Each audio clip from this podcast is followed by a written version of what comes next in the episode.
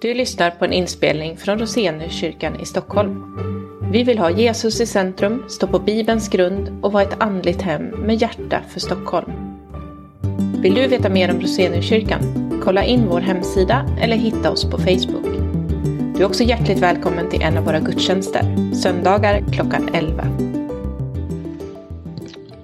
Dagens brevtext är hämtad från Uppenbarelsebokens tolfte kapitel, verserna 7 till 12.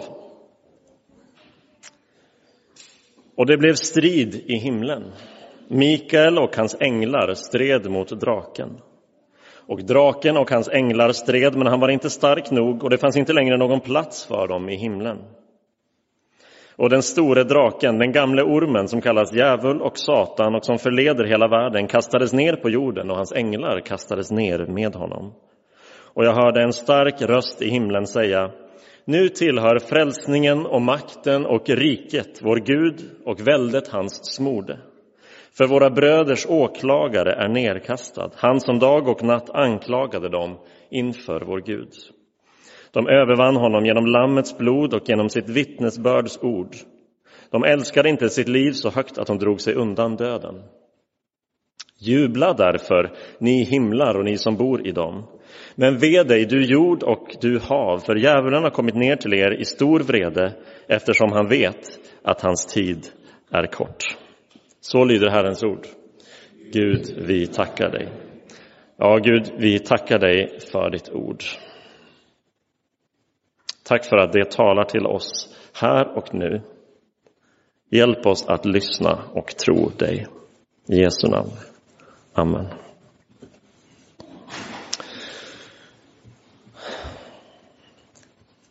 Skulle inte du också vilja ha chansen att osedd och ostörd få ta en liten smygtitt in i händelsernas centrum? Tänk de här senaste veckorna efter riksdagsvalet när förhandlingarna inför regeringsbildningen pågår bakom slutna dörrar. Ingenting nästan läcker ut. Avtal ingås muntligt eller skriftligt, planer görs upp. Tänk att få se och höra det som är hemligt och det som kommer att påverka vårt land de kommande åren. Vem eh, bestämmer? Vem är det som har makten? Vem lyssnar människor på? Vad är motiven och agendorna? Eh, är det någon som har koll på vad som händer? Tänk att få vara en fluga på väggen, tänk att få liksom snegla in bakom de här ridåerna. Vi har precis läst ett litet avsnitt ungefär i mitten av Uppenbarelseboken, Bibelns sista bok, en av de allra svåraste. En bok som till och med många nästan är rädda för att läsa. Eh, ännu mer rädda för att någon annan ska läsa och eh, predika ur. För den är svårtolkad. Så här är det, varje gång vi plockar upp ett, eh, någon slags text så börjar vi förstå den och tolka den utifrån vilket slags text vi tror att det är. Är det ett, eh, ett matchreferat, eller är det en sång, eller är det en arg lapp jag hittade i tvättstugan? Det, det påverkar hur jag förstår den. Vi kommer få olika förväntningar som styr hur vi läser. På samma sätt är det med varje del i Bibeln. Vi måste fundera på vad är det här för slags bok, eller avsnitt egentligen. Men Uppenbarelseboken gör det minsann inte lätt för oss, för den blandar tre olika genrer, som vi säger, tre olika sorters eh, text eller bok. Den är dels ett brev som aposteln Johannes skickade till sju församlingar i nuvarande Turkiet. Det är också en profetia som är Guds perspektiv på samtiden och framtiden.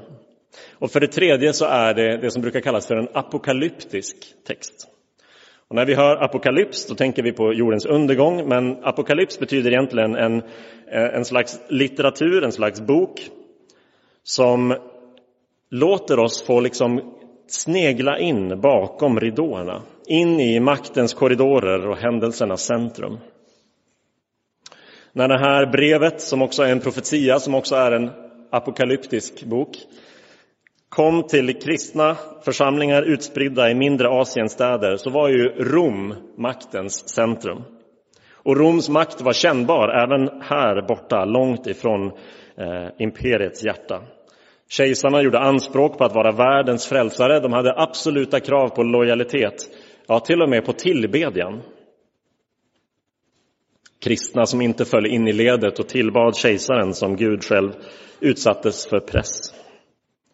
Så man kan tänka sig, om det kommer ett, en, en, bok, ett, ett brev som ska låta oss blicka in i händelsernas centrum, i maktens korridorer, korridorer där allting avgörs. Ja, då kanske den borde transportera oss till Rom.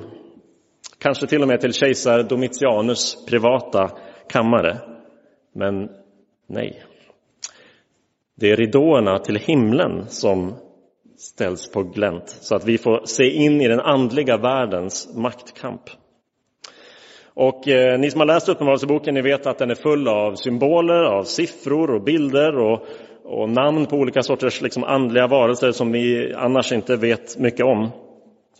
Någon har kallat det för Guds fantasy, vilket jag är ganska förtjust i. Jag tycker det eh, är ett roligt sätt att beskriva den. Det är ett äventyrligt och färgstarkt drama om gott och ont. Men jag tror att eh, åtminstone det här avsnittet som vi ska ägna oss åt idag är i allt väsentligt begripligt om vi börjar titta efter. Så vi ska ta en sak i taget och se vad är det eh, den här scenen visar för oss och hur angår det oss. Det första vi ser är att det pågår en strid. Så här började avsnittet. Det blev strid i himlen. Mikael och hans änglar stred mot draken och draken och hans änglar stred. Men han var inte stark nog och det fanns inte längre någon plats för dem i himlen. Och den store draken, den gamle ormen som kallas djävul och Satan och som förleder hela världen kastades ner på jorden och hans änglar kastades ner med honom. Snacka om att det är dramatiskt på en gång här. Änglar och drakar som kämpar mot varandra. Det är ju direkt spännande. Hade man suttit i någon av de här eh, församlingarna när när det här först kom så hade man verkligen spetsat öronen och lyssnat. Och det handlar om att vår tillvaro har ett oundvikligt inslag av konflikt och kamp i sig. Vi möter det varje dag. På små sätt. Vi möter det ibland på större sätt. Vi ser det i stora skeenden i världen omkring oss också. När krig blossar upp i världen eller när goda planer och drömmar krossas, när relationer spricker, när sjukdom invaderar vår kropp eller vårt sinne så känner vi av konflikten som hela skapelsen är indragen i. I verserna precis före dem vi läste så får vi en liten bakgrund till hur den konflikten började. Johannes skriver att ett annat tecken visade sig i himlen. En stor eldröd drake med sju huvuden och tio horn och sju kronor på sina huvuden. Hans stjärt svepte med sig en tredjedel av himlens stjärnor och han kastade ner dem på jorden. Så det är fullt av bilder och symboler här. Ondskan presenteras i aggressiva färger, i otäcka fysiska attribut som många huvuden och horn och kronor som ska symbolisera makt. Och en nästan nonchalant trots mot Gud där draken liksom förstör skapelsen i sitt uppror mot Gud. Drakens agenda, vad är, det, vad är det den onda makten är ute efter? Det kan vi förstå om vi ser de namn som Bibeln ger honom. Han kallas för den gamle ormen, för djävul, för Satan. Den gamle ormen det anspelar på Bibelns första bok om hur de första människorna förleddes till olydnad mot Gud. Ordet djävul betyder den som förtalar eller söndrar, splittrar. Satan betyder den som anklagar.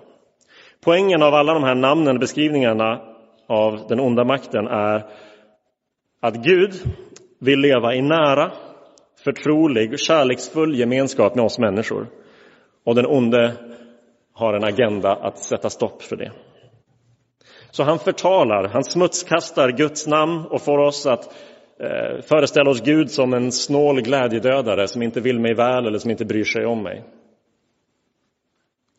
Som anklagare så smutskastar han vårt namn genom att få oss att tänka saker som att inte skulle Gud älska en sån som dig. Efter allt som du har sagt och gjort och tänkt. Tror du verkligen Gud vill ha med dig att göra? Om den onde får oss att förkasta Guds vilja eller får oss att tro att Gud har förkastat oss så skapas den distans mellan oss och Gud som han vill. Han vill bara förstöra. Det är bakgrunden till den strid som vi läser om idag. Men fokus i de här verserna vi har läst är inte på drakens ondska. Det är inte fokus för oss här i kyrkan. Nej, de här verserna handlar om att Gud inte finner sig i den här onda agendan utan bekämpar allting som förstör hans skapelse. Och det är därför det blir strid i himlen.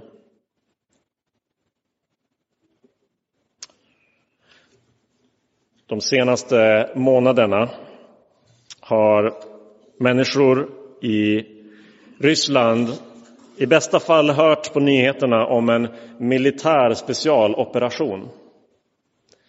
En eh, etikett som används för att spela ner allvaret i det som händer. Det är inget att bry sig om. Det, det är något kortvarigt, det angår egentligen inte dig. Livet går vidare.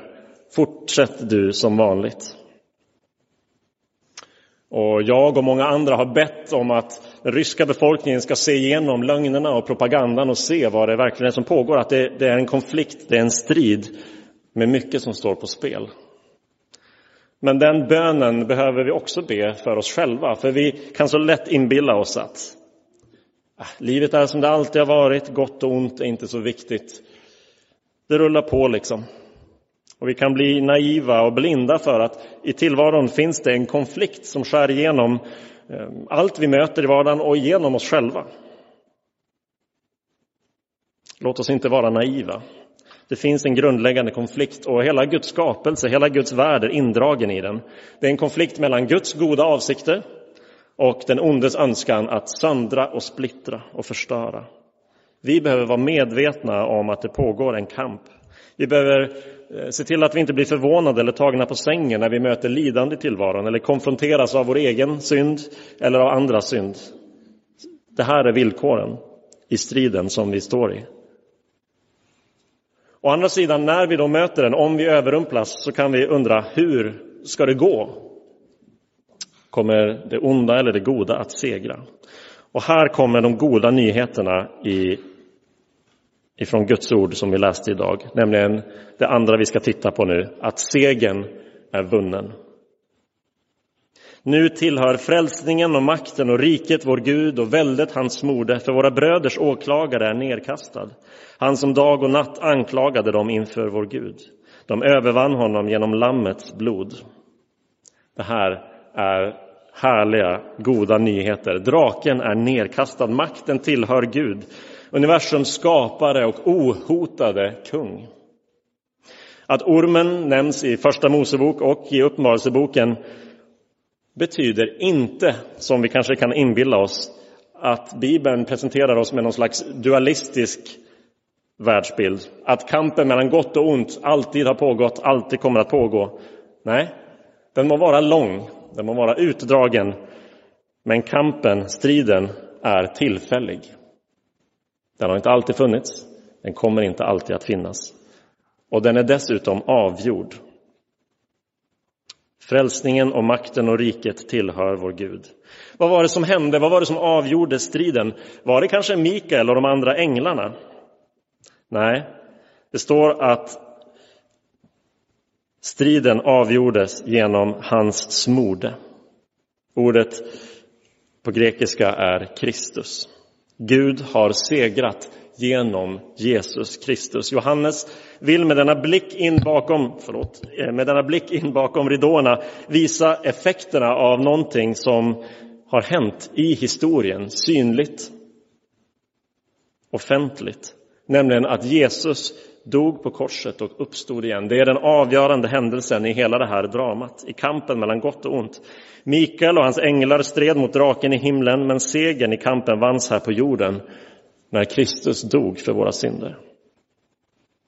På vilket sätt är det en seger? Ja, om vi går tillbaka till vad vi sa innan. Vad är ondskans agenda? Det är att separera Gud och människan från varandra. Och vi får liksom se i den här synen hur, hur den onde står inför Gud och anklagar Guds folk, de som försöker fly till Gud. Grejen är ju att om vi ska vara helt ärliga så hade han för en tid ett ganska bra case mot oss. Vi bär alla på synd. Vi är inte bara indragna i kampen mellan gott och ont, vi har alla blivit delaktiga i upproret mot Gud. Vi hamnade på fel sida i striden den dag då Adam och Eva tog av frukten och satte ormens och sin egen viljas vilja över Guds. Och Djävulen vet lika väl som Gud själv att Gud kan inte acceptera synd och ondska för alltid. Han som är godheten själv kan inte, får inte ge efter för det onda. Så för en tid kunde anklagaren stå där på något sätt i Guds närvaro och anklagade. Gud, du som är helig och god, du måste avvisa de här syndarna som har gjort uppror mot dig. Men mitt när han står där så slås vapnet ur händerna på honom. Paulus skriver i Romarbrevet 3. Alla har syndat, alla saknar härligheten från Gud och de förklaras rättfärdiga som en gåva av hans nåd därför att de är friköpta av Kristus Jesus. Så ville Gud visa sin rättfärdighet eftersom han i sitt tålamod hade lämnat de tidigare begångna synderna ostraffade. I den tid som nu är ville han visa sin rättfärdighet, att han både är rättfärdig och förklarar den rättfärdig som tror på Jesus. Gud måste inte välja mellan att acceptera ondskan eller att förkasta oss människor som har del i den. Därför att Gud valde att själv ta på sig syndens konsekvenser i Jesu död. Så att Guds nåd och Guds rättvisa kunde mötas i en skicklig manöver som avväpnade ondskans makter. Och nu har djävulen ingenting att komma med. Inget vapen i sin hand, ingen plats i himlen och ingen rätt att anklaga oss. Så finns nu ingen fördömelse för dem som är i Kristus Jesus. I ett avsnitt av serien Bamse, de tecknade filmerna, så spelar Skalman och vargen schack med varandra. Och vargen utbrister uppgivet efter en stund. Han spelade så konstigt. Det såg ut som att jag skulle vinna, ända tills jag plötsligt hade förlorat. Skalmans överlägsna strategi var ogenomtränglig för vargen. Han trodde att han hade övertaget. Och på samma sätt så måste korset ha sett ut som ett nederlag för Gud och hans Messias. Till och med lärjungarna, innan de har mött den uppståndne Jesus, utbrister förtvivlat. Vi hade hoppats att han var den som skulle frälsa Israel. Men uppståndelsen förändrar allt och kastar nytt ljus på korset. När Paulus tänker på hur Gud vände och vann kampen mot ondskan så konstaterar han så här i Kolosserbrevet. Han avväpnade härskarna och makterna och gjorde dem till allmänt åtlöje när han triumferade över dem på korset.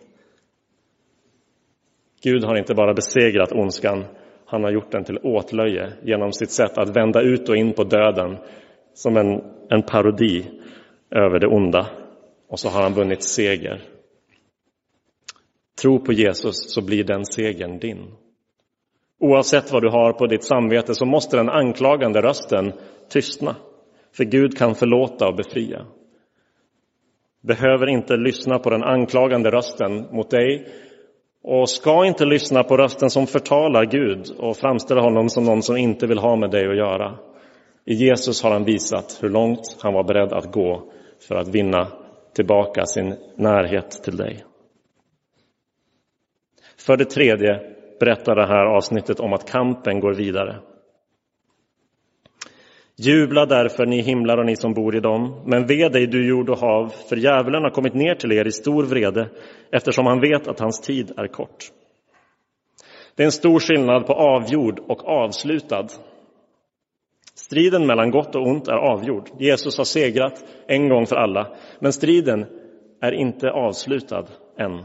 En kort tid återstår och vår fiende är en dålig förlorare. Han tänker inte gå av planen utan några sista glåpord, några sista smutsiga tacklingar eller några välplacerade spottloskor. Djävulen är en patetisk figur, men det kan komma att göra ont för oss som tillhör den vinnande sidan.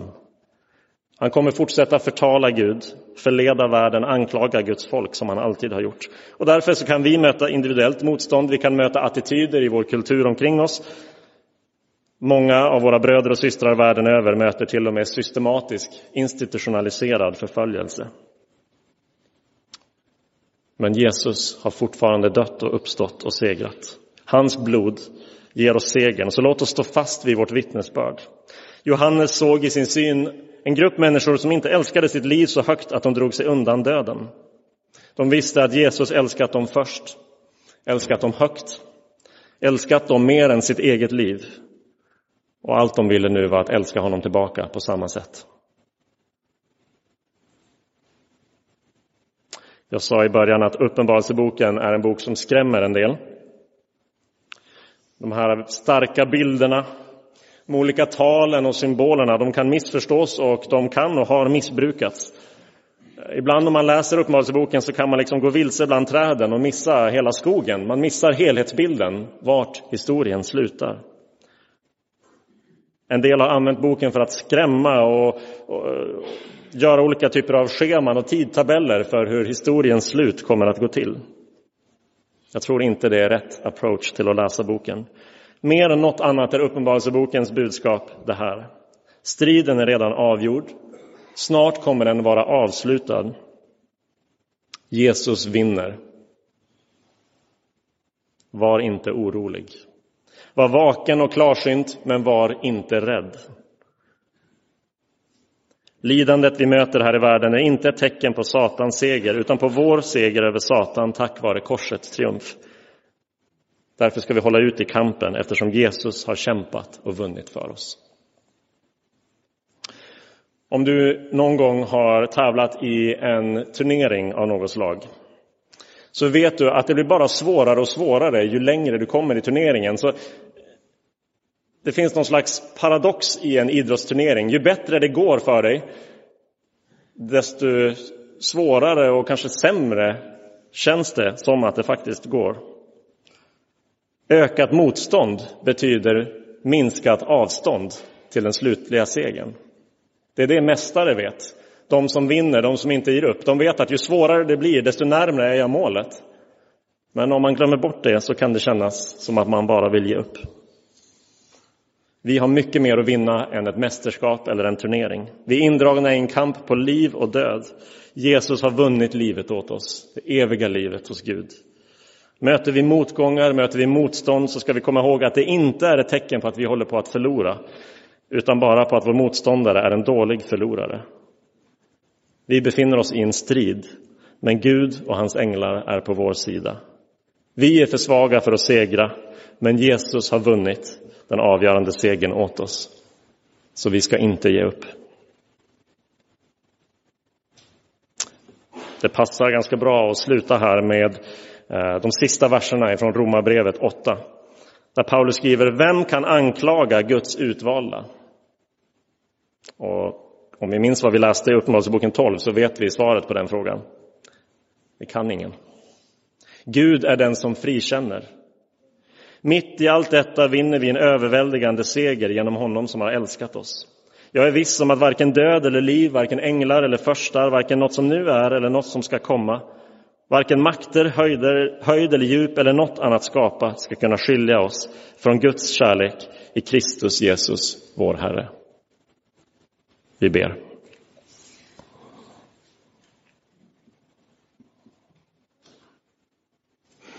Jesus Kristus, vi tackar dig för att du har segrat åt oss i den strid som vi har fötts in i, som vi känner av på små eller stora sätt i våra liv och som vi själva är vanmäktiga inför. Jesus, tack för att du tog synden på dig, att du tog den med dig upp på korset och ner i graven, att du uppstod till nytt evigt liv och att vi får följa dig på samma väg. Hjälp oss att inte vara omedvetna för eh, den, den kamp som finns i våra liv och i världen runt omkring oss. Hjälp oss att se klart på eh, skiljelinjen mellan gott och ont. Men hjälp oss också att aldrig tappa modet eller ge upp när du redan har avgjort striden. Hjälp oss vara uthålliga tills den dag då striden också är avslutad. Låt oss få vara med i skaran av änglar och människor från alla folk som på alla jordens språk lovsjunger Lammet, Jesus Kristus, inför tronen. Du är värd det, Jesus, för vad du har gjort för oss. Hjälp oss att minnas det. Hjälp oss att känna hopp även när världen ser ut att gå helt åt fel håll. Eh, även om saker i våra liv ser ut att ramla sönder Håll oss fasta i tron på din seger. tills den dag du kommer tillbaka. Amen.